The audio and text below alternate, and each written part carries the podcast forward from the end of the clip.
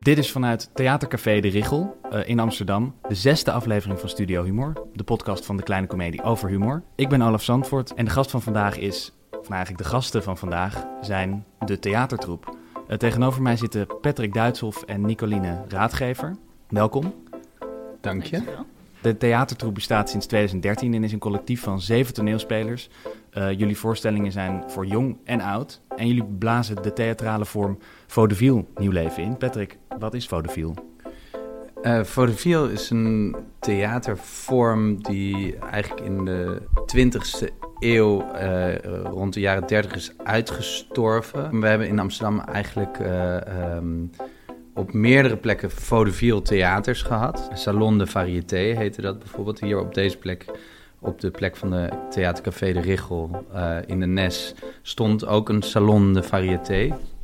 En eigenlijk hield dat in dat er wekelijks verschillende programma's gepresenteerd werden door een hele grote groep artiesten. Je had uh, uh, jongleurs, uh, je had vuurspuwers, je had sketches, dansjes, liedjes. Er werd gegeten, gedronken. Uh, en vaak werd de avond ook nog eens afgesloten door alle artiesten bij elkaar. En dan speelden ze vaak een tragedie, wat ook een bizar uh, fenomeen geweest moet zijn. Vaudeville hebben wij dus, uh, zoals je al zegt, naar de 21ste eeuw getrokken. dus wij zijn niet meer artiesten die één ding heel goed kunnen, maar we hebben wel uh, ons voorgesteld hoe zo'n avond eruit ziet van verschillende uh, sketches, acts, maar ook juist de serieuze kanten. Want juist dat er op zo'n avond ook een tragedie werd gespeeld, is natuurlijk heel interessant. Dus dat waren hele bizarre avonden moeten dat geweest zijn. En die sfeer zoeken wij eigenlijk weer op. Ja, en voordat we nu echt gaan beginnen met het gesprek over humor, stel ik jullie een vraag uh, over de historie van de kleine komedie. En de vraag is: welke cabaretier redde in 1988 de kleine komedie van de ondergang door een benefietavond te organiseren in Carré? Jullie mogen overleggen. in 1988 zeg je. Wie leefde er toen nog? Toon Hermans, denk ik. En die zou wel in staat zijn in zijn eentje een heel theater te redden, ja. Ik ga voor Toon Hermans. Ja, ik ga met Patrick mee. Dat is helaas fout. Shit. Het was Joep van Dek.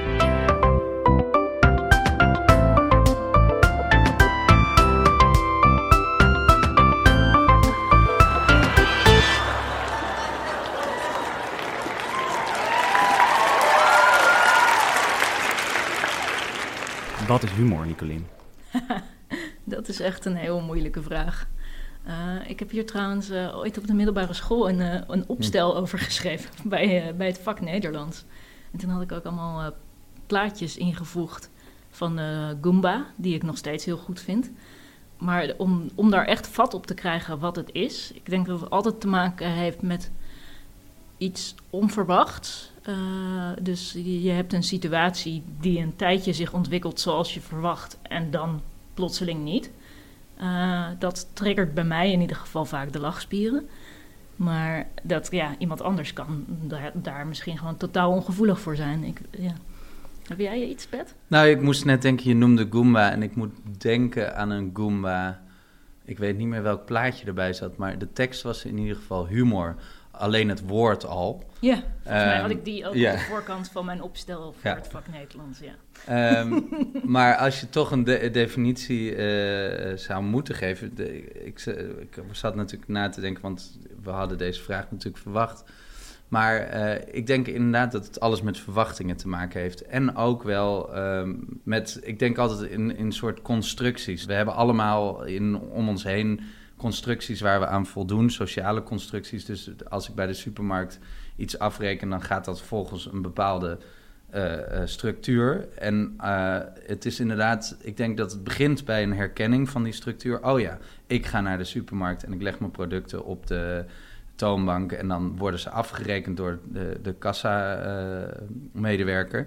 En um, uh, dan halverwege of op het einde gebeurt er iets wat je dus totaal niet ziet aankomen, maar die uh, wel binnen die structuur blijft. Want dat, de, maar dat is ook weer natuurlijk een mening. Ik vind het altijd, als het echt volledig losgezongen is van alles en volledig absurdistisch is, dan dan kom ik er niet helemaal bij. Dus dan Mhm. vind ik het vaak niet grappig. Terwijl als het heel lang lijkt alsof het gaat zoals je gewend bent en dan draait het opeens om. En, en daarin zit, er dus, zit denk ik ook een soort van diep gevoel, of een soort ook de vooroordelen die je over mensen of over dingen hebt. Dus, dus ik denk daarom dat het ook altijd gaat over mensen eh, en types eh, die in bepaalde structuren terechtkomen. Eh, nou ja, dat. Ja. Ja, dit, dit is humor dan in het theater. Werkt dit ook zo in het dagelijks leven? Humor, ja, ik denk dat je het hardste moet lachen op het moment dat er iets niet gaat zoals, Zoals je verwacht, ja. zoals je verwacht. Wat betekent humor voor de theatertroep? Ja, ik denk dat wij niet zonder kunnen. Het, eh, ook gewoon in, in de omgang met elkaar. Dus niet alleen op het toneel. Maar eh, ja, wij, ja, we maken elkaar soms helemaal kapot in, in de grappen. Ja, Eh, en ik kan me niet voorstellen dat ik in een andere werkomgeving zou zijn, omdat het voor mij gewoon een soort overleving is dat je iedere dag in ieder geval een paar keer goed lacht. En dat, dat hebben wij met elkaar. ja. Met- Nou ja, en, en wij denken, we zijn er echt van overtuigd dat je via humor het beste eigenlijk eh, een, een, iets kan zeggen over de maatschappij of de mensen. Of dus, eh, eh, dus de inhoud komt echt via de humor bij ons. Iemand zei ooit, jullie vallen van achteren aan. En dat is denk ik eigenlijk de beste omschrijving van ook dat vaudeville. Er wordt vaak gedacht dat humor inhoudsloos is. Maar juist als je eh, keihard zit te lachen en vervolgens draait de situatie om of wordt iets toch heel tragisch. eh, ik denk dat je via humor echt iets kan zeggen over de maatschappij. eh, en dat dat ook des te harder aan zou, kan komen via humor. Ja, juist door iets uit te vergroten wat misschien gevoelig ligt, eh, kun je daarna er weer op een, met een frisse blik naar kijken. Naar eh, waar- waarom is dat eigenlijk zo georganiseerd in onze maatschappij? Het is eigenlijk vrij absurd. En het is dan misschien niet zo absurd als de theatertroep het op het toneel deed, maar alsnog zit wel een kern in dat, dat het misschien helemaal klopt hoe, hoe we dingen aanpakken eh, met elkaar. Ja, en in, dat, in het boek eh, ehm, De meeste mensen deugen wordt, wordt ook beschreven dat de mens, of is dat, is dat eh, juist eh, dat andere boek van, eh, nou goed. Het boek van Rutger Bregman bedoel je? Nee, nee, ik Oh, bedoel, ik, ik denk, maar jij weet het, je hebt ze ook alle twee gelezen. Dus, dat via roddelen eigenlijk de- mens zich ontwikkeld heeft en, en, zo, en, gigantisch vooruitgekomen is eigenlijk. Dit is in Sapiens. Sapiens, ja precies. En ik denk eigenlijk dat humor misschien wel een soort van vorm van... een soort van grotere vorm van roddelen is. Want heb je gezien, eigenlijk doen we een soort... eh, heb je die situatie met die mensen daar wel eens gezien? En dat, Mhm. dat eh, vertaalt zich dan naar een leuke scène of een sketch of een... Dus eh, via de humor kan je, kan je ook bij jezelf te raden gaan van... Is, dat is eigenlijk heel raar als ik dat op die manier doe. Dus je verbaast, je kan jezelf, je kan je ook verbazen over jezelf. En, en dat is misschien wel iets waar, eh, zonder het nou eh, meteen heel eh, politiek te maken, iets wat nu misschien een beetje op het spel staat, is de zelfrelativering. Van het, het kunnen lachen om jezelf en je eigen mankementen eigenlijk. Dat is zo ontzettend belangrijk, denk ik. Zelfspot is, dat is voor mij ook iets heel belangrijks. Ik heb al genoeg voorbeelden gezien van, van mensen die dat absoluut niet hebben. En ook in hun werk niet hebben. En dan denk ik toch altijd, ja, dat is echt een gemiste kans. Ja. Want, dat is- Ja, ja, want als je één iemand nou echt helemaal onderuit mag halen, dan is het jezelf. is het jezelf, precies. dat kan je gewoon Ja. gevaarloos doen, Ja. altijd. dus dat, ja. Ja, en is dat, is, is dat die zelfspot ehm, eh, en de humor een, een vast onderdeel van Vodafil? Of bestaat Vodafil wel zonder humor? Vaudeville zonder humor zou een montageavond zijn, denk ik. Of een, eh, ja, of, ja, een montageavond, denk ik. Dus als je dat met poëzie doet, dan heb je verschillende gedichten achter elkaar.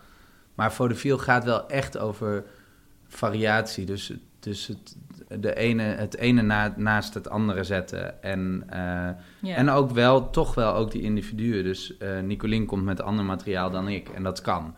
Eh, want we, we zeggen eigenlijk altijd voordat we een vaudeville-avond beginnen... zeggen we eigenlijk altijd... eh, het gaat, eh, ga niet op zoek naar een chronologie, want die zit er niet in. En eh, heel vaak zit die er dan wel per ongeluk in... omdat we, als mens ben je volgens mij altijd op zoek naar eh, dramaturgie en een lijn van A tot Z. Dus eh, eh, soms dan... eh, Sorry, ik moet je onderbreken. Dit is te grappig. Ja, eh, ondertussen loopt hier eh, Timo van de theatertroep. Ehm, heel zijn- zachtjes door, de, door Ca- Theatercafé De Richel, omdat hij onze eh, Ja. opname niet wil onderbreken. Ja. Eh, wat ondertussen wel gelukt is. tenminste- Inderdaad, dat is zeker gelukt. Ja. Ja. Om- tenminste, het is gelukt om hem te onderbreken, de Ja. opname. Ja. Ehm, Het is een beetje als je spelers de opdracht geeft, loop onopvallend over het toneel. Zo'n soort loop deed hij nu. Zo Ja, op ja. Dat wat juist super opvalt. maar misschien maakte hij wel minder geluid dan. maar goed, is dit dan eh, humor dat hij hier loopt? Eh, nou ja, dat hele beeld is wel grappig. ja. Ik bedoel, als je, als je uit zou zoomen en je ziet ons hier heel serieus in dat gesprek over humor notabene. En je ziet Timo zo langslopen. Dat is, eh, ja, vind ik een grappig beeld in Ja. ieder geval. ja, dat is wel... Ja, En dat heeft dus te maken met die verwachting die je hebt van een serieus gesprek. Of, nou ja, serieus gesprek over humor. Waar, waar ondertussen dus iemand... eh, iets, iets doet wat je... ja, of wat in dit geval niet per se heel slim is... of eh, wat toch enorm afleidt. Ja, ja. Ehm, heeft iedereen. Nou ja, jullie, jullie hebben natuurlijk. De, jullie gebruiken humor in jullie voorstellingen. Maar is jullie ervaring dat iedereen gevoel heeft voor humor? Nee. nee, maar ik denk op een, of een publiek lacht of niet, dat is van zoveel ehm, eh, aspecten eh, afhankelijk dat ehm, het is niet zo simpel dat het, dat het als je iets. eh, Er is wel een basis, denk ik, of zo. Wij, wij beginnen altijd. eh, onze vaudevilles in het begin zijn, zijn wat stroever natuurlijk dan later. Dus ze worden uiteindelijk heel geolied. En, dan, en het gaat ook vaak over snelheid en overgangen. En als dat eenmaal goed gaat, of soms ook dat de ene scène niet goed na de andere kan, waardoor iets wel werkt. Of dat de clue net niet grappig genoeg is, of eh, dus dat die aangepast moet worden. Ook dat heeft denk ik weer met die verwachtingen te maken van dat, dat de, of de clue er te dik bovenop ligt en je toch iets anders moet verzinnen. ehm, om die verwachtingen weer om te draaien. Maar het kan ook heel goed zijn. Kijk, eh, om, het, om dat voorbeeld van eh, Peter R. de Vries bijvoorbeeld maar aan te halen. Stel, wij moeten, hadden die avond moeten spelen eh, daarna. En iedereen zit in, zit in zak en as en zit daar eigenlijk, eh, is daar heel somber door en geschrokken. En dat is een hele andere avond dan wanneer eh, eh, de versoepelingen net aangekondigd zijn en iedereen uit zijn dak gaat. Dus ook het publiek zelf heeft zijn humeur mee natuurlijk. Ehm, Zijn humeur en ook zijn humor. Ja. Dat, dat was je vraag, heeft iedereen gevoel voor humor? En ja, waarschijnlijk hebben die mensen die dan een beetje chagrijnig ergens in de zaal zitten ook wel humor, maar misschien niet op dat moment. En misschien eh, dat sluit het gewoon totaal niet aan bij die van ons. ja. Maar we hebben het soms wel eens meegemaakt dat je echt dacht van... nou, volgens mij hebben die gewoon echt geen humor. Ja. Dat ga je dan denken. Als, eh, Heb je daar een voorbeeld van? Van iets waarvan jullie dachten, hier moet om gelachen worden? Ja, maar het is dan meer, juist omdat onze avonden zo gevarieerd zijn.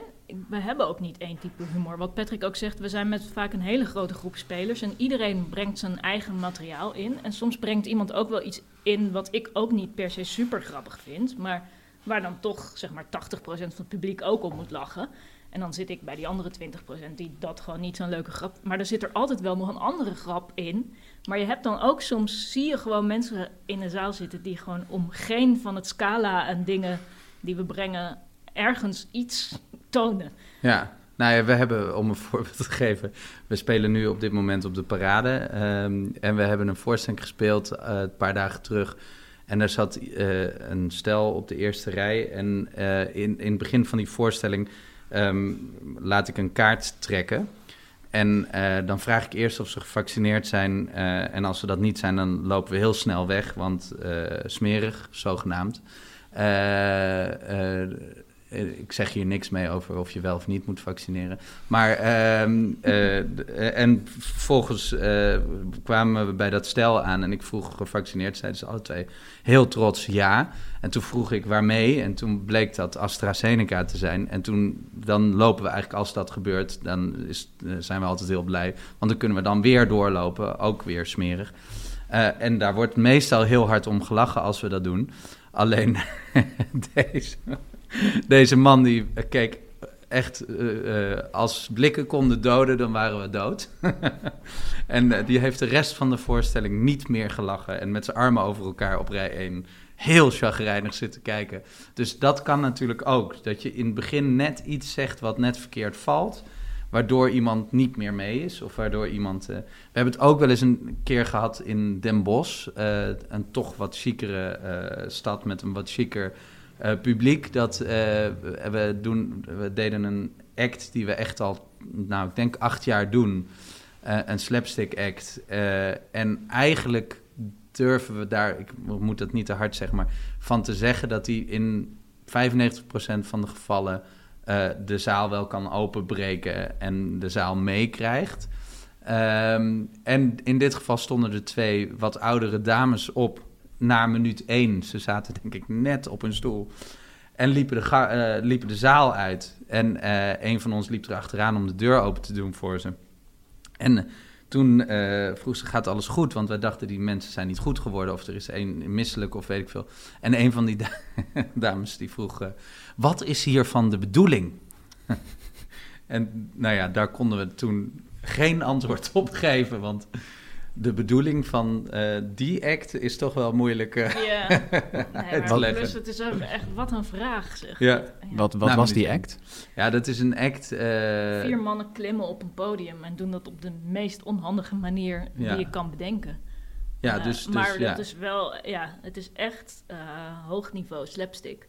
Want je kijkt ernaar en je denkt echt van, oh, gaat, gaat dit goed, gaat dit goed? En ze, Zij- Nicolien heel- zit er niet in, dus die in. Dit becomplimenteert de collega's Ja, dat, het niet Nee, over je- jezelf gaat. Precies. Je- maar je kan dus denken van, eh, ja, gaat dit goed? En, maar je- intussen zijn ze ontzettend getraind en het eh, ziet er wel chaotisch uit. Maar eigenlijk weten ze precies wat, wat de stappen zijn, maar je ziet niet... Het is niet een gelikt, eh, het is niet dansant of zo. Het is niet ingestudeerd in die zin. Maar toch weten ze goed waar ze mee bezig zijn. Nou ja, nou, ik, ja, Ja. ik kan het niet goed uitleggen. Maar het, het Nee, is- dat, dat is, nee, we klimmen eigenlijk omhoog. Eigenlijk zo simpel is het. En gaan een kopje thee drinken. Eh, maar het podium is eigenlijk net iets te klein en net iets te hoog. Eh, waardoor dat vrij ingewikkeld gaat. En dat duurt, denk ik, een kwartier, twintig minuten of zo. Ja, dat is eigenlijk de act, ja. Ja, Dus een beetje Buster Keaton, Chaplin, eh Laura Hardy. Deze staat op eh, Theater Thuis, of hoe heet Ja, het kanaal? theaterthuis.nl. Ja, Ja. dus die is terug te zien. dus eh. terug te zien. ik zal hem eh, in de show notes opnemen. ja, Ja. is leuk. Ehm, en daar waren deze twee dames dan dus eh, door beledigd? Of... nou, nou, nee. niet beledigd, want het Ze belediging snapten staat het niet. gewoon niet. Nee. Ze, ze dachten gewoon, ja, wat is hiervan de bedoeling? En moet ik Ja. hier naar kijken? Is dit ik, grappig? Ik ga liever weg. nou ja, dat- dat gaat was dus- de conclusie. Ik, ik ga liever weg dan dat ik hier naar kijk. En we hadden dat echt nog... Maar ook dat je dat zo snel al beslist. Ja, Het was echt... Nou, ik, ze waren nog niet eens alle vier op het podium. Nee. Dat is zeg maar de eerste stap. ja. Ehm, ja, jullie noemen net al ehm, slapstick. Dat is een vorm van humor. Er zijn een heleboel vormen van humor. Maar, maar, maar is humor een kunstvorm, uh, Nicolien? Een kunstvorm? Nee, ik denk dat het een aspect is van kunstvorm. En dat het in meerdere kunstvormen kan terugkomen. Je hebt ook beeldende kunst die grappig is. En nou ja, striptekeningen, ik noemde net al Goomba. Uh, maar ja, ook theater dus. En liedjes kunnen ook grappig zijn. Ja, ja ik denk, ik denk uh, dat humor op, op, zichzelf een kunstvorm, dat denk ik niet inderdaad. Het is, het is onderdeel van, inderdaad. Ik denk wel dat... Het Boeken heb ik niet eens genoemd. Nee, precies. Uh, ik denk wel dat humor niet, niet om... Het is een beetje simpel om te zeggen dat iets complexer of minder complex is. Maar ik denk dat iets grappig maken wel een soort kwetsbaarheid in zich heeft... die anders is dan uh, wanneer je iets serieus doet. Um, en dat heeft te maken met dat als iets niet grappig is... Het, het, als iemand op een toneel staat en het is echt pijnlijk... omdat iemand heel grappig probeert te zijn... is pijnlijker dan wanneer iemand heel serieus probeert te doen... en dat toch grappig wordt is ook pijnlijk, maar toch op een andere manier. En, op de een of andere manier word je door humor of, of met humor zwaarder afgerekend als iets niet werkt of niet grappig is. dat heeft waarschijnlijk ook te maken met, met dat mensen denken... dan blijft er niks meer over of dan zit er geen inhoud in. Dus ehm, als je te horen krijgt... ja, ik moest er heel hard om lachen, maar het ging nergens over... dat, dat is beter dan wanneer je zegt... ik moest er helemaal niet om lachen en het ging ook nergens over. Dus ik denk dat het een soort kwetsbaarheid in zich heeft die mensen ook wel heel eng vinden. En ik denk ook daarom dat dus heel veel kleinkunstenaars heel veel try-outen voordat ze het aandurven om het voor pers of voor grote publieke grote zalen te spelen. Omdat Ja. het dus zo'n soort kwetsbaarheid in zich heeft. Ja, Moet humor dan ergens over gaan? het hoeft niet, maar nou, wa- wat we net al zeiden, als het echt, eh, ja, hoe noem je het, volledig in het absurde is, dan, ja, dan kun je ook, dan heb je nergens meer houvast, of dan, dan, is het, dan wordt het ook het grappig doen om het grappig doen, of Of het absurd om het absurd doen, inderdaad. Ja. Of dat, dat het. Nou ja, de, ik denk wel dat de beste humor ook wel ergens over gaat. Ja, dat denk ik wel. En dan Ja. heb je nog een, de, een hele range daartussen zitten van dingen die ook wel iets minder over iets mogen gaan. Maar eh, Maar het kan ook dat het niet in één keer duidelijk is waar Ja. het over gaat. Of dat, ja. En, en dan bedoelen we met dat het ergens over gaat dat het een maatschappelijk thema aanspreekt. Of dat het een. ja, maar het kan er zeg maar aan raken. Want ik denk bij goede humor is, moet je er ook een beetje over nadenken. Eh, is het niet zeg maar met een geheven vingertje humor of met een soort moraal erin. Dat kan soms ook werken. Maar wij hebben bijvoorbeeld één eh, sketch, dat is het vrouwonvriendelijk dicté. En daar zitten heel goede grappen in, maar we komen er ook steeds net niet uit, omdat eigenlijk de, de moraal al zo van tevoren vast ligt van, dat, eh, van die sketch. Het is namelijk een vrouwonvriendelijk dicté en het, eh, het hele verhaaltje is, is vrouwonvriendelijk, wat de leraar dicteert. En het meisje in de klas wordt ook nog eens een keer vrouwonvriendelijk bejegend. Eh, nou ja, ja, dus dat, nou ja, daar zit dus dan misschien al een soort voorspelbaarheid in. Ja, Hoewel ik de, dus de constructie wel, ik vind dat we hem altijd nog een keer moeten omschrijven. Want de constructie van een eh, basisschoolklas die een dicté opschrijft en die, die, die leraar is heel seksistisch, vind ik nog steeds wel heel erg goed. Maar Ja. daar zit dus in eh, dat kinderen die een dicté schrijven, die geconfronteerd worden met een volwassen probleem, of niet een probleem, nou ja, wel een probleem, Mhm. eh, het seksisme en het diep geworteld seksisme. Eh, en, en dat, ik denk dat dat dus juist wel ook heel erg goed kan werken. Ook juist omdat het over zo'n groot probleem gaat. Mhm. Ja, en, en, maar het is inderdaad, misschien zoeken wij als gezelschap toch iets meer ook naar de meta. eh, nou ja, naar, naar het, het overkoepelende mens zijn en, en daar eigenlijk het, de, de onhandigheid in of zo. Ja. Dus, dus eigenlijk de beste lach zit denk ik toch wel in eh, dat je met elkaar allemaal denkt: Jezus Christus, ja, zo, hoe dom zijn we eigenlijk als mensen? Of Jezus, hoe pakken we dit, eh, wat pakken we dit vreemd aan? Mhm. Ja. Ik, ik moet nu denken aan de- dat stripje van Goomba, waarin die ene figuur zo heel blij aankomt en dan zegt: Theo, ik heb aids. en dan zegt die ander: Ik hoor een maar aankomen. die vinden wij allemaal heel erg goed. Hm. Maar dat is, dat is dan ook niet helemaal duidelijk waar dat over. Ja, ik denk wel dat het dan raakt aan dat sommige mensen inderdaad soms een beetje bijna trots zijn als ze een diagnose hebben. Eh, maar daar denk je niet in één keer aan. Het is gewoon in eerste Ja. instantie grappig, omdat het onverwachts is. Ja, ja, Ja. ook weer, ja. Ja. weer dat onverwachte en dat... Maar daarna kun je over nadenken, Ja, waar, ja. waar raakt dit nou precies aan? Waarom is dit grappig? Ja. Het is een heel simpel stripje. Attentie, attentie. Willen de mensen die de trein naar Nijmegen gepakt hebben hem alsjeblieft weer terugzetten? We hebben hem hard nodig. Heb jij nou ook een goede mop? Stuur hem dan in een spraakbericht naar olaf.dekleinecomedie.nl. En misschien zit jouw mop dan ook wel in de volgende aflevering. Maar nu eerst terug naar het gesprek. We hadden het er net al een beetje over van eh, ehm, humor staat onder druk. Eh, de, de zelfspot, niet alles kan meer. Maar eh, wat is de grens van de grap? Of is er een grens?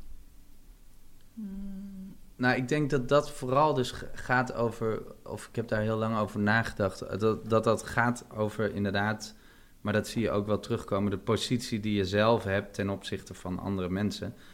Ehm, en op, zolang het, eh, er niet een gevoel is van gelijkwaardigheid in een maatschappij, dus zolang niet iedereen dat eh, ervaart, is het moeilijk om over iedereen grappen te maken. Ik kan niet over iemand anders een grap maken die, eh, die zich niet gelijkwaardig aan mij voelt. En tegelijkertijd vind ik het dus heel belangrijk dat ergens neem ik iemand anders wel heel serieus als ik een grap maak over iemand anders. En iemand anders dat over mij mag doen. Want dat is ook een vorm van erkenning. Zeker binnen onze groep bijvoorbeeld, om het wat kleiner te houden dan de hele maatschappij.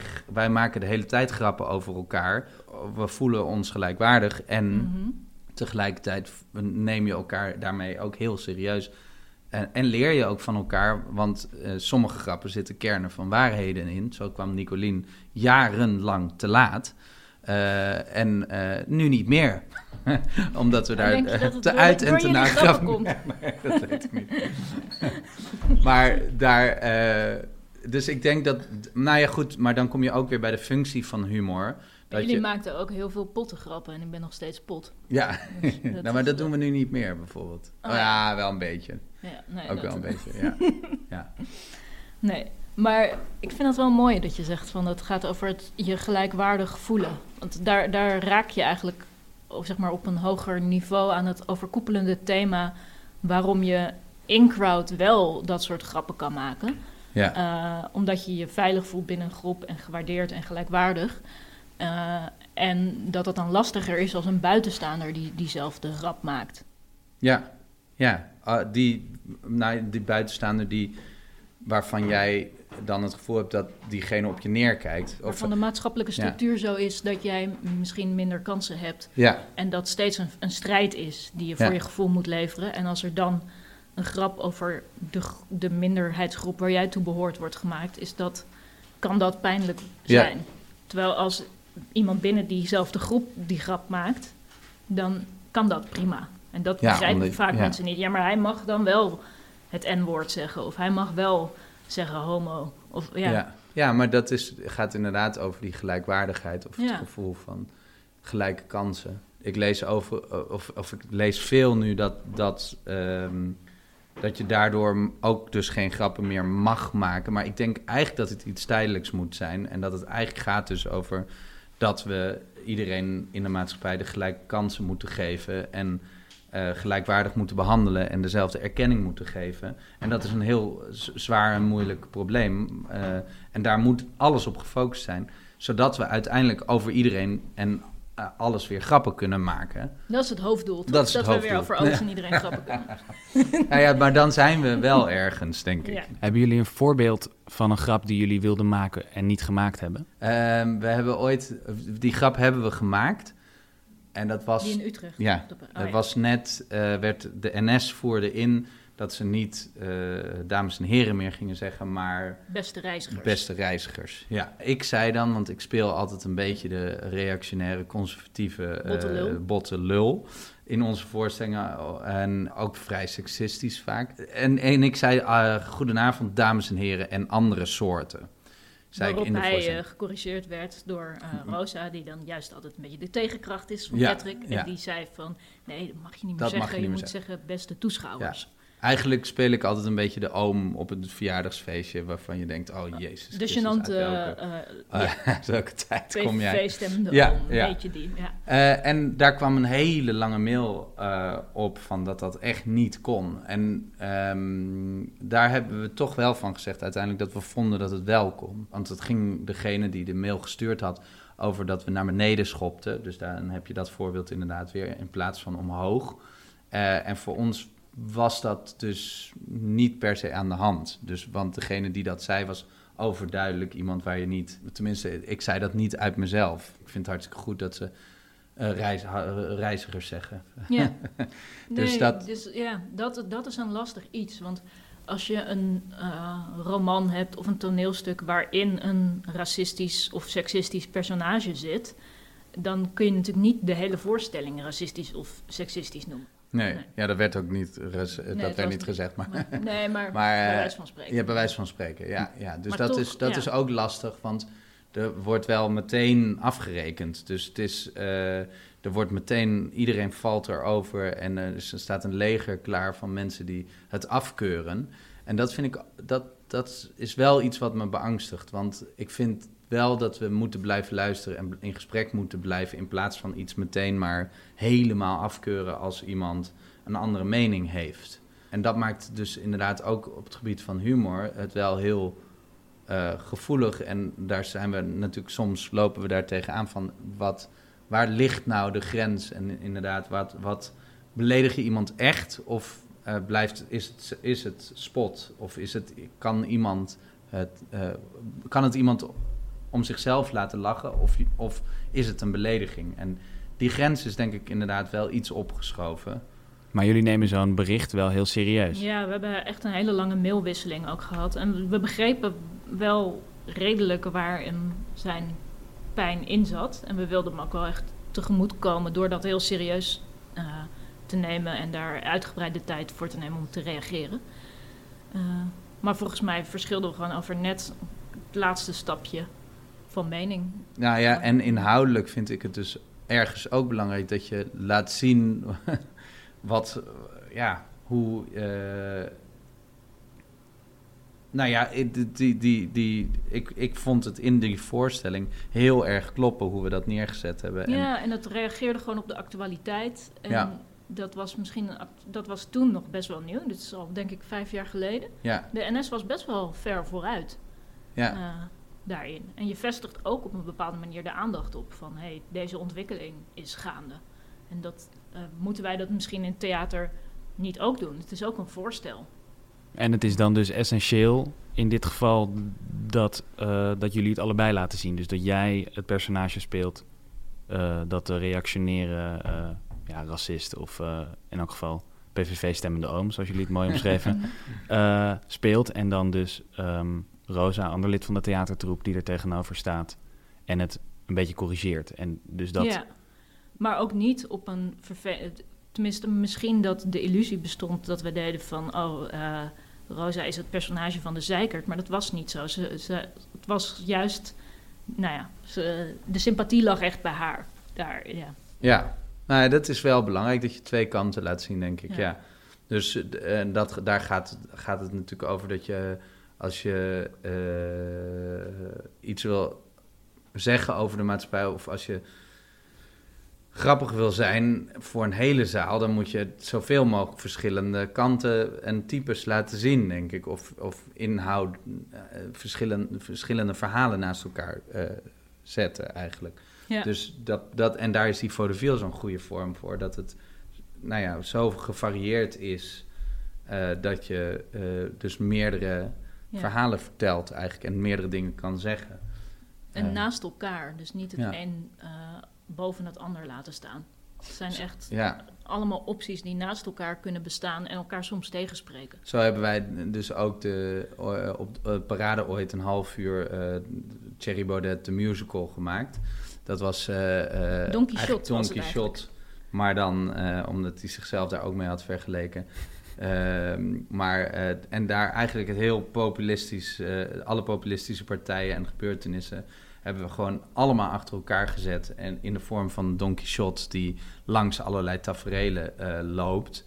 en quotes ook van bijvoorbeeld Dion Graus, die had gezegd dat hij de ridder van het zuiden was of zo, zoiets. Nou ja, dus, dus alles erin verwerkt, maar ook de kant we hebben het ook geprobeerd, die hebben wel iets minder belicht, maar ook wel de kant waarvan je zou kunnen zeggen: oh ja, ja, dat is wel ook wel een beetje gezeur. Dus de, de, de, de protestgeneratie, er was toen een hele periode met de gele hesjes, met uh, letterlijk bijna overal, als het misging, werd, die gele hesjes gingen staan voor alles. Dus die, toen was er net die uh, vrouw die een geel hesje droeg en op, bij Rutte op bezoek mocht en hem geen hand gaf. Waar toen vervolgens ook weer iedereen over viel.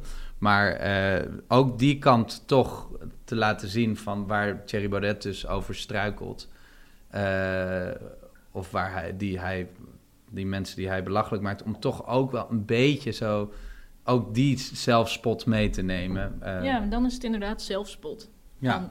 Ja, misschien is het ook wel belachelijk wat we doen. Maar ja, het is nu de beste optie die we hebben. En laten we er met z'n allen om lachen. Zo. Ja, ja, precies. Dus die, We gaan nu even zeiken op voornaamwoordjes. Ja, Ja, dat, dat, ja. dat kun je Ja. grappig vinden. Maar het is wel belangrijk. Maar het is dus belangrijk, het. maar we kunnen er ook de humor van inzien. ja, precies. En dat is denk ik wel echt iets, eh, inderdaad, wat je nu zegt, heel, zo belangrijk. Dat is misschien wel het gevaarlijke van dat je er niet meer om kan lachen.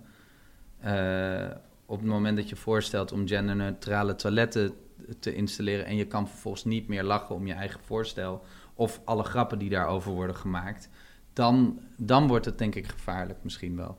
Eh, terwijl het wel belangrijk is dat, het, dat ze er zijn Ja, voor veel mensen. Dus, eh, en voor veel mensen ook niet. Maar, eh, ja maar dat, dan, dan ja. kom je wel weer in dat, dat gebied wat jij net omschreef als die gelijkwaardigheid. Want ik denk dat het, als je zelf in die categorie valt, dat je een, een, het voor je gevoel een enorme strijd moet leveren om even serieus genomen te worden als, als jij en ik.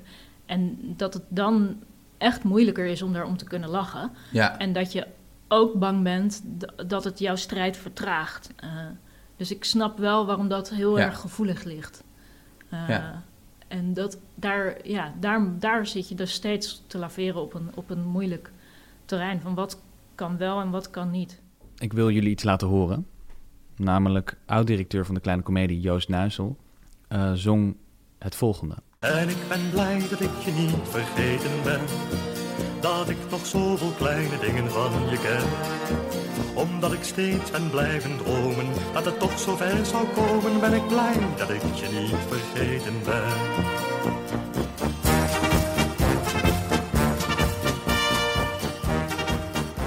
En nu wil ik van jullie weten, van wie zijn jullie blij dat jullie die niet vergeten zijn? Oftewel, wie is jullie grootste inspirator op het gebied van humor?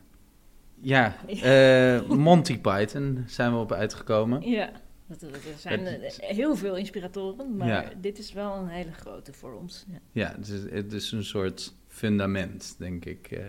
En ook voor die, de aanpak die zij hebben. Dus de Now for Something Completely Different. Dat is ook onze dramaturgie eigenlijk.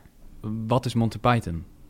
Ja, Monty Python is eigenlijk een groep Engelse comedianten uit eh, heel Engeland eigenlijk eh, afkomstig. Die samen zijn gekomen door verschillende avonden eigenlijk op de universiteit. En in die zin kennen de Engelsen ook iets meer een vaudeville traditie dan wij die kennen. Ik geloof dat John Cleese rechten studeerde en tegelijkertijd sketches schreef voor het universiteitstheater.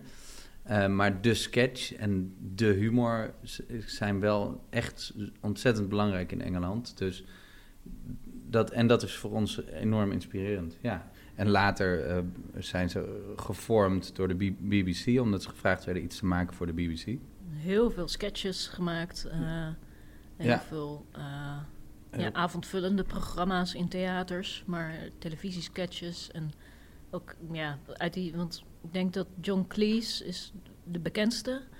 En Ja, ik ga Michael Palin. Eric Idle, die hebben dan, nou, we vergeten vast nu. Een heleboel. Een hele beroemde. maar in ieder Graham geval, Chapman. ja, die, zij werken ook als een soort collectief en ze schrijven sketches, voeren die ook zelf uit. Ja. Eh, heel absurdistische humor, wel. En televisie. Dus Ja. eigenlijk, eh, ze hebben echt eh, eh, hebben voor revolutie gemaakt. gezorgd binnen de televisiewereld. En te beginnen met de televisieserie. Het zijn volgens mij twee of drie series waar ze echt al het materiaal gewoon wat ze jarenlang op universiteit en zo hebben ingespeeld, eigenlijk zijn gaan verfilmen. En het belangrijkste wat zij eigenlijk ontdekten was dat je eh, de sketch nooit helemaal af moet maken. Dus je moet eigenlijk bijna altijd het einde eraf knippen. Ehm, en dat doen ze natuurlijk niet met alles, maar eh, met heel veel wel, als je erop let. Dus zij, zij zijn eigenlijk veel sneller gaan eh, monteren dan toen gebruikelijk was. En als je ze nu ziet, zou het- voor ons is het nu eigenlijk nog steeds traag. Dus nu knippen we eh, veel sneller nog. Maar ehm, ja, dus ze waren ook echt wel een, een revolutie in televisieland. En later natuurlijk met hun grotere films, The Holy Grail, Life, Life of of Brian. Brian. Zullen we dan nu even gaan eh, luisteren naar het eh, fragment? Ja, Uh, good morning. I'd like to have an argument, please. Right. Now, are you sure you wouldn't prefer a lengthy, moist Rogering? Oh, no, just an argument, please. Right, yeah. Now, do you want the single argument, or can I offer you a course? Uh, well, what is the cost? Well, it's two pounds for a five-minute argument, but only fifteen pounds for a course of ten. Oh, well, I think I'll just take the, uh, the five minutes and see how it All goes right, from there. all right. You. Now let's see who's free. Mr. Wobblebot is free, but he's a bit conciliatory, Mr. Wobblebot. Nice name. Um, now, what about Mr. Nichols, room 12? Thank you very much. Thank you. What do you want? What? Don't give me that, you snotty-faced heap of parrot dropping! Well, I'll go outside. Shut your festering gob, you tit! Your pipe makes me puke, you scrofulous, toffee-nosed, vacuous pervert! Well, look, I came here for an argument. I Oh, oh, oh, I'm sorry, this is abuse. Oh, I see. Oh, that explains it. Yes, you want um, 12A. It's next door. Oh, I see. Yes. Thank you very much. Sorry. No, no, it's okay, it's okay. Stupid git. Uh, is this the right room for an argument? I've told you once. I know you haven't. Yes, I have. When? Just now. No, you didn't. Yes, I did. You didn't. I did. You did. I'm telling you, I did. didn't. I'm so sorry. Is this the five-minute argument or the full half hour? Oh, uh, just the five minutes. Just the five minutes. That's right. Thank you. Anyway, I did. You most certainly did not. Now, let's get one thing quite clear. I most definitely told you. No, you didn't. Yes, I did. No, you didn't. Yes, I did. No, you didn't. Yes, I did. No, you didn't. Yes, I did. No, you didn't. Yes, I did. No, you didn't. No, you didn't. No, you didn't. No, you didn't. No, you didn't. No, you didn't. No, you didn't. No, you... Did look, this isn't an argument. Yes, it is. No, it isn't. Just contradiction. No, it isn't. It is. It is not. You just contradicted me. No, I never. You did. No, no, no, you no. You did just then. Nonsense. Oh, this is futile. No, it isn't. Yes, it is. I came here for a good argument. No, you didn't. You came for an argument. An argument isn't just contradiction. Well, it can be. No, it can't. An argument is a connected series of statements intended to establish a proposition. No, it isn't. Yes, it is. It isn't just contradiction. Look, if, if I argue with you, I must take up a contrary position. Yeah, well, it isn't just saying no, it isn't. Yes, it is. No, it isn't. Yes, it no, it is. isn't. No, it isn't. Yes, No, it isn't. Yes, No, it it is. isn't. No, Yes, it it is. isn't. No, Yes, it isn't. No, it Yes, isn't. it No, is. Look, argument is an intellectual process. Contradiction is just the automatic gainsaying of anything the other person No, it says. isn't. It is. It is not. Now, look. Thank you. Good morning. What? That's it. Good morning. Oh, I was just getting interested. I'm sorry, the five minutes is up. That was never five minutes just now. I'm afraid it was. Oh, no, it wasn't. I'm sorry, I'm, I'm not allowed to argue anymore. What? If you want me to go on arguing, you'll have to pay for another five minutes. Wasn't never five minutes just now. Oh, come on. This is ridiculous. If you want me to go on arguing, you'll have to pay for another five minutes. All right. Here you are. Thank you.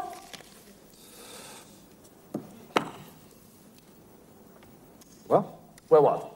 That was never five I just told now. you, if, if you want me to go on arguing, you'll have to pay for another five minutes. Yeah. Well, I just paid. No, you didn't. I did. You didn't. No, I did. you I did. did I did. I did. did. You never I did. did. You I did did. You did not. I don't want to argue about Well, I'm that. very sorry, but you didn't pay. Aha. If I didn't pay, why are you arguing? Aha. Gotcha. No, you haven't. Yes, I have. If you're arguing, I must have paid. Not necessarily. I could be arguing in my spare time. Oh. Ehm Nicolien, wat is hier zo goed aan? Oeh, lastige vraag. Eh, ja, ten eerste is de setting heel leuk gevonden. Dat je een, eh, eh, een, een ja, argument komt kopen, een ruzie of een eh, discussie. Hoe vertaal je dat? Ja, Een discussie, ja. ja. Eh, en ook eh, hoe ze het hebben uitgebeeld, die kantoorklerken die daar zitten en ook eh, per minuut betaald willen worden, geen seconde meer.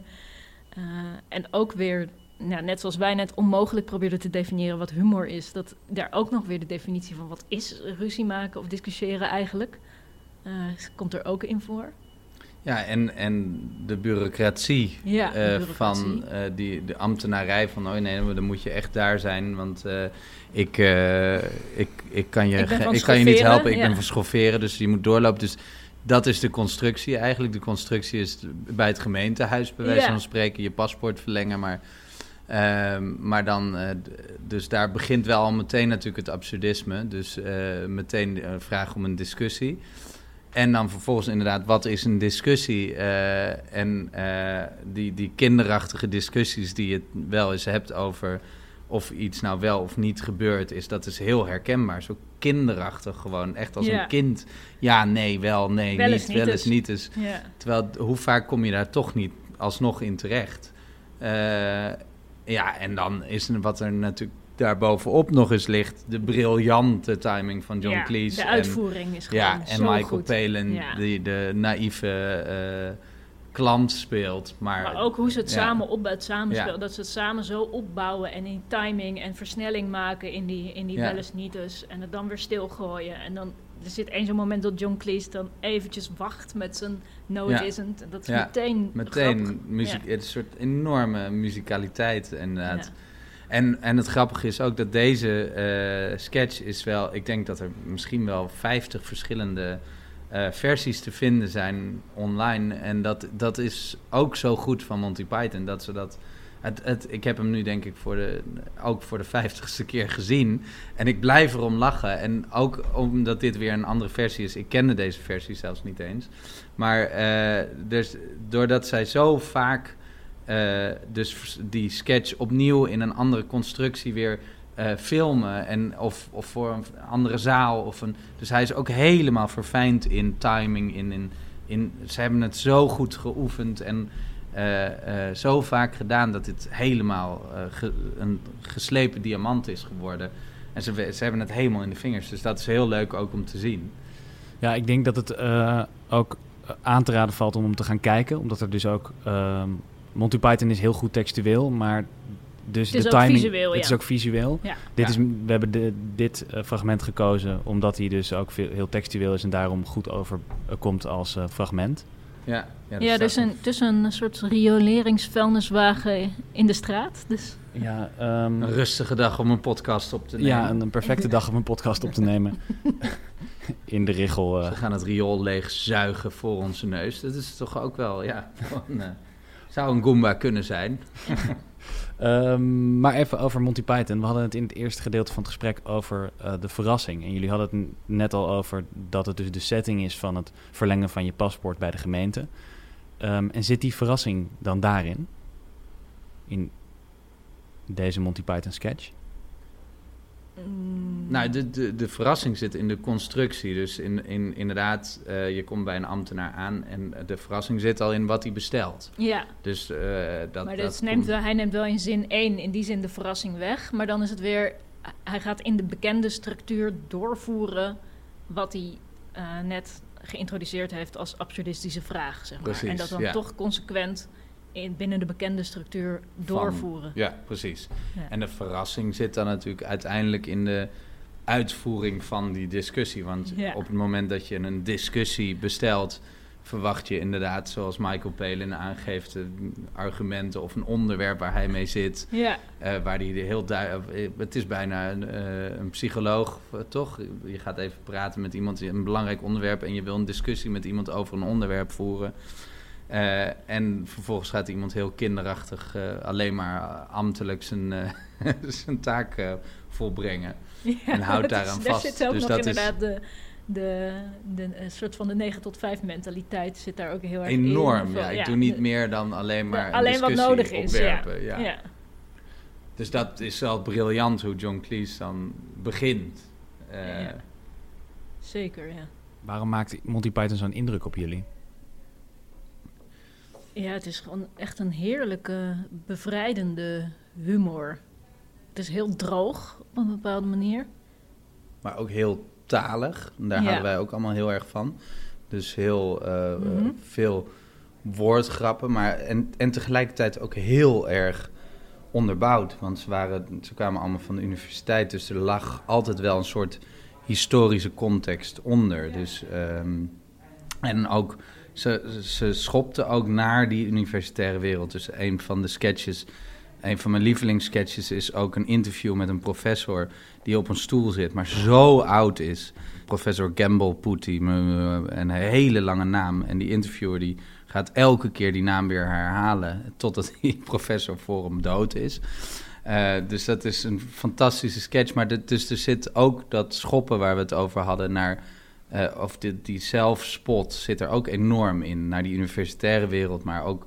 Maar gewoon naar alles eigenlijk. Dus dat, dat ook. Uh, dus ze proberen eigenlijk maatschappelijk breed iedereen te bespotten. En, en ook zichzelf. Dus dat dat is... Ja, en hoe ze het doen is eigenlijk altijd met een soort Britse understatement. Dus ze doen het nooit er, eroverheen, zeg maar. Ze gaan niet te uitleggerig de grap spelen. Of het, ja. Het zit er onder, ja, het is echt onderdoor. En ja. voordat je het weet is het voorbij. Of... Heb je daar een voorbeeld van? Van een grap die ze... Oeh. dat is altijd lastig. Die ze eronder spelen. Ja, nou ja, dat is dat, dat voorbeeld van die Argument Clinic. Um, dat is niet zoals André van Duin een sketch zou spelen of zo. Dat is eigenlijk heel, heel droog en snel en eigenlijk mhm. vooral op timing. Uh, en, en er zit wel iets van de gezichtsuitdrukkingen van André van Duin misschien in, maar minimaal. Dus uh, het, is, het is, blijft toch subtiel en, en het is niet...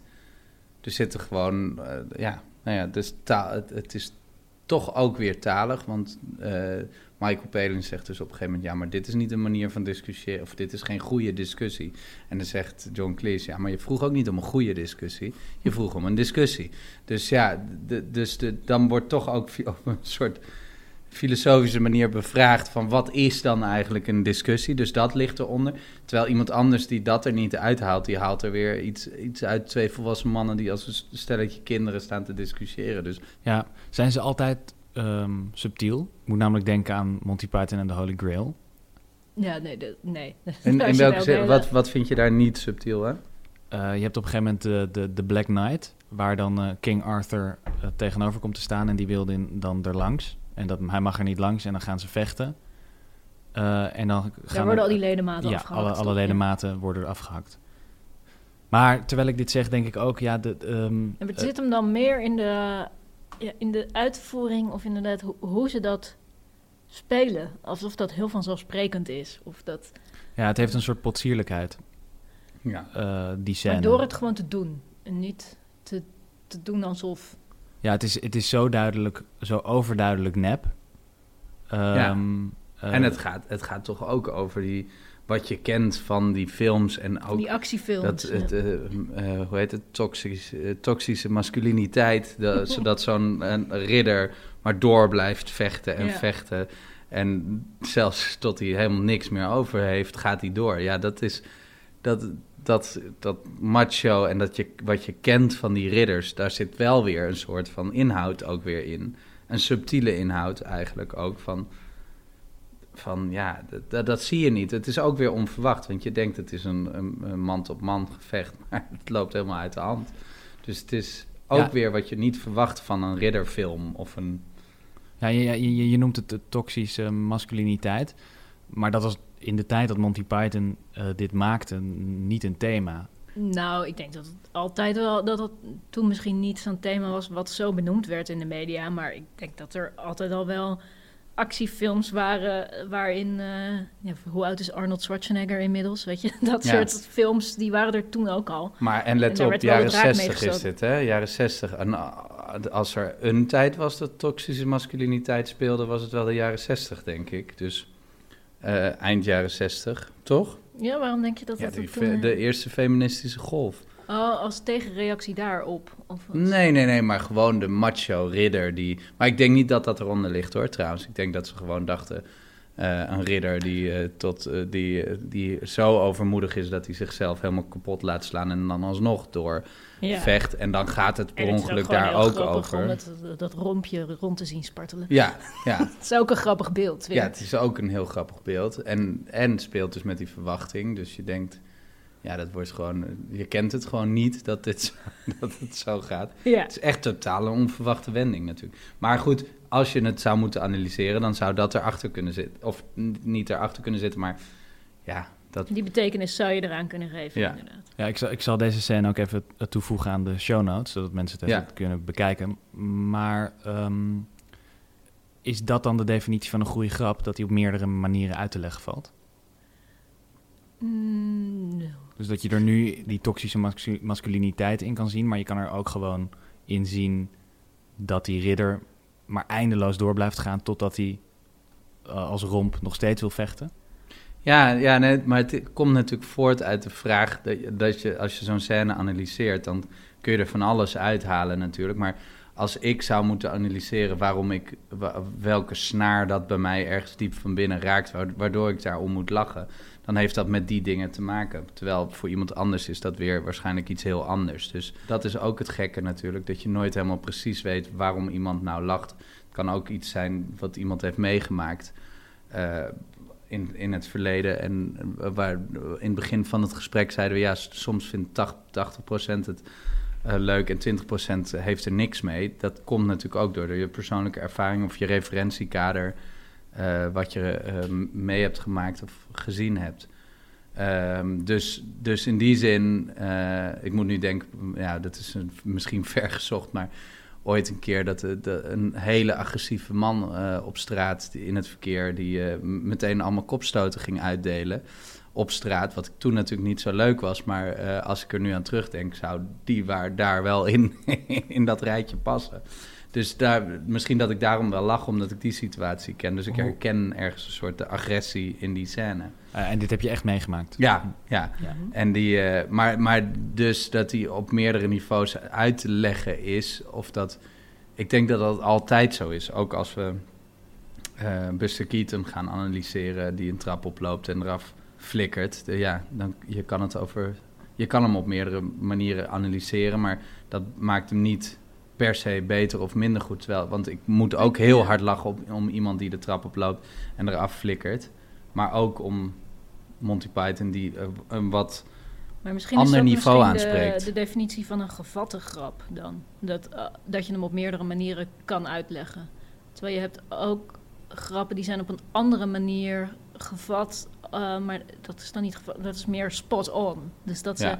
een maatschappelijk fenomeen op, zo'n manier neerzetten. Of dat, dat doet Goomba bijvoorbeeld in zijn stripjes. In één beeld zet hij het neer. En Jiskevet deed dat vroeger op tv ook. Met een eh, personage. Is ook heel beeldend vaak.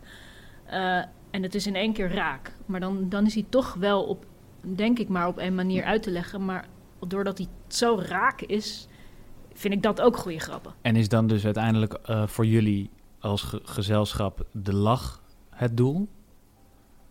Mm, dat denk ik niet. Mm. Nee. Ik denk Maar dat zo- sowieso, ja, maar misschien is middel en doel. Ja. Ja, en, en het is. het- mm, Een middel, middel waar, waartoe? Middel om te, om te kunnen ontspannen en op een andere manier naar het dagelijks leven te kijken. En dus ook dat van achteren aanvallen. Dus Ja. kritisch kunnen zijn terwijl je wel met elkaar zit te lachen.